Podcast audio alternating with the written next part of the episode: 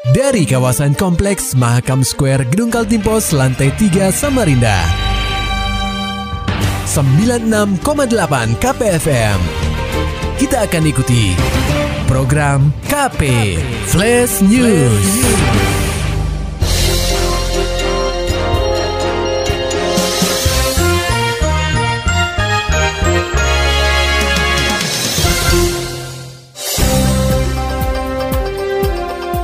Anda sedang menyimak program KP Flash News bersama saya Agung Pratama.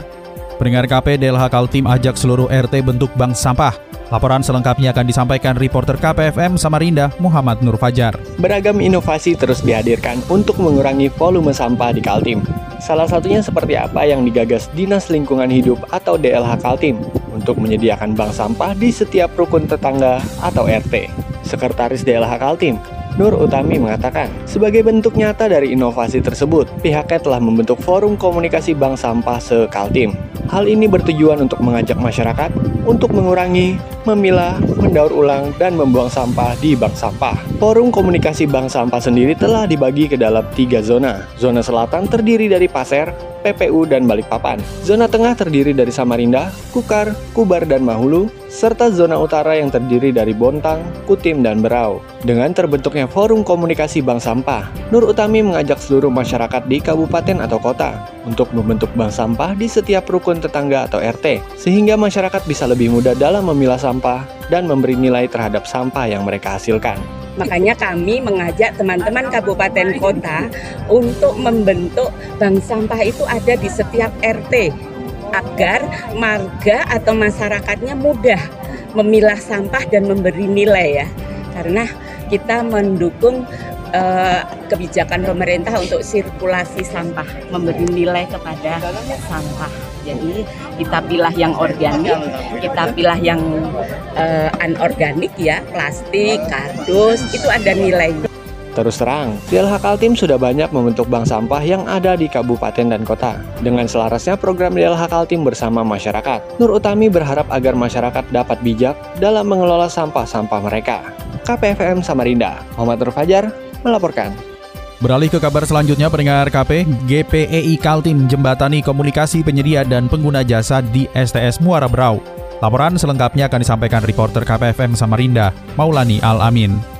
Dewan Pengurus Daerah Gabungan Pengusaha Ekspor Indonesia atau GPEI Kaltim menggelar Fokus Group Discussion atau FGD terkait pemberlakuan konsesi jasa ke pelabuhan pada aktivitas ship to ship atau STS di kawasan Muara Brau, Kutai Kartanegara. Kegiatan bertajuk Untung Rugi adanya konsesi ke pelabuhan di STS Muara Brau bagi eksportir itu diharapkan menjadi jembatan komunikasi antara pengguna jasa. Di antaranya adalah eksportir dan penyedia jasa di STS Muara Brau, yakni PT Pelabuhan Tiga Bersaudara atau PTB, selaku pemegang konsesi kepelabuhan, kantor kesyah bandaran dan otoritas pelabuhan atau KSOP kelas 2 Samarinda, serta Bea dan Cukai Samarinda. Sebab penerapan pelayaran dan tarif aktivitas di areal pelabuhan Muara Brau belum dipahami secara keseluruhan oleh para pengguna jasa itu banyak keluhan dari shipper karena kekhawatiran dengan penerapan 1 Oktober. Dan kemudian kita akomodir keluhan-keluhannya sebagaimana tercantum di surat undangan itu. Dan kita memandang uh, secara prinsip ada ketidakpahaman. Hmm. ketidakpahaman tentang apa itu PTB, apa fungsinya, legalitasnya dan sebagainya sehingga saya memandang ini perlu ada semacam sosialisasi uh, dengan melibatkan semua stakeholder Demikian yang disampaikan Ketua DPD GPI Kaltim Muhammad Hamzah. Diinformasikan, ada dua tarif yang ditetapkan di STS Muara Brau, yakni pelayanan domestik dan ekspor impor atau internasional.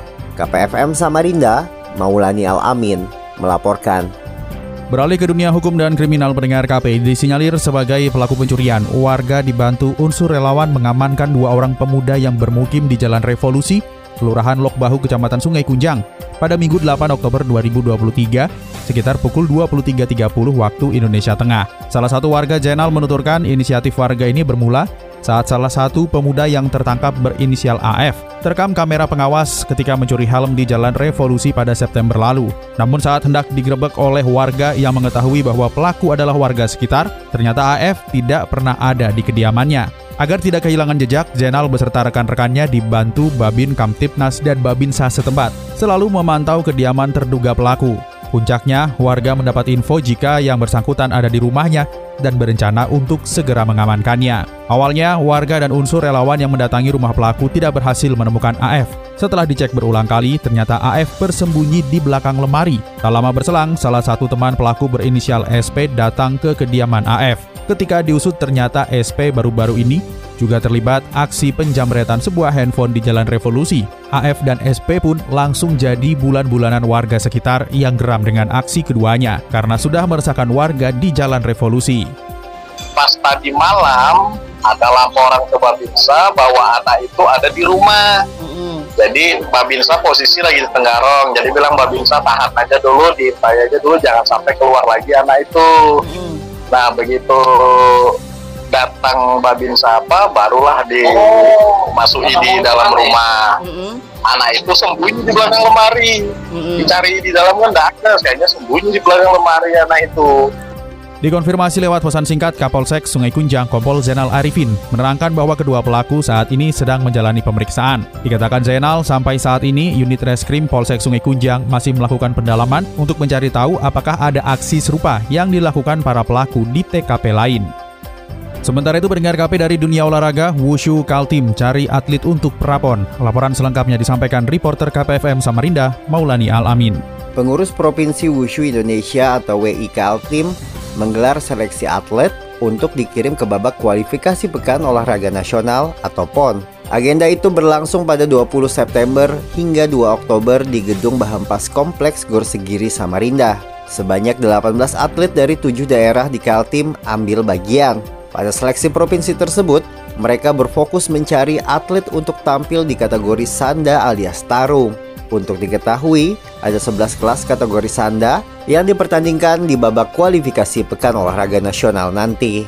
Dari 11 atlet tersebut mereka tinggal mencari atlet untuk menghuni 7 kelas Sebab 4 kelas lagi sudah terisi oleh atlet yang mendapat wild card alias terpilih tanpa harus mengikuti seleksi Mereka disebut berhak mendapat wild card lantaran telah membuktikan prestasi di berbagai ajang dan jenjang Wusu ini sudah udah udah udah ada di Kaltim berdiri Kaltim sejak 2000 tahun 2000-an ya 2000 2000 itu sudah sudah ini dan uh, sejauh ini kita di PON juga sudah banyak berprestasi ya untuk menyumbangkan medali di PON. Kemudian untuk perkembangan kita melihat memang banyak cabur-cabur bela diri yang di bawah naungan konik provinsi saat ini yang baru-baru itu uh, bersaing. Apa kemudian uh, di backup PON nanti ini bersamaan bertanding sehingga banyak atlet-atlet yang terpencar. Itu tadi keterangan Ketua Komisi Teknik Pengurus Provinsi Wushu Indonesia Kaltim Eko Supriyadi. Bogor akan menjadi medan laganya di babak kualifikasi PON Wushu pada 19 hingga 30 Oktober mendatang. Adapun babak kualifikasi PON Wushu menggunakan sistem zona. Tim Kaltim tergabung dengan zona tengah yang dihuni 14 provinsi. Selain seluruh provinsi di Kalimantan, Kaltim juga akan menghadapi tim kuat seperti DKI Jakarta, Jawa Barat, dan Jawa Tengah. KPFM Samarinda, Maulani Al-Amin, melaporkan. Maulani Alamin, Muhammad Nur Fajar, KPFM Samarinda. Serta dapatkan berita-berita selengkapnya di www.968kpfm.co.id. Demikian tadi telah kita simak rangkaian berita-berita yang terangkum dalam program KP Flash News. Persembahan dari 96,8 KPFM. Terima kasih dan sampai jumpa.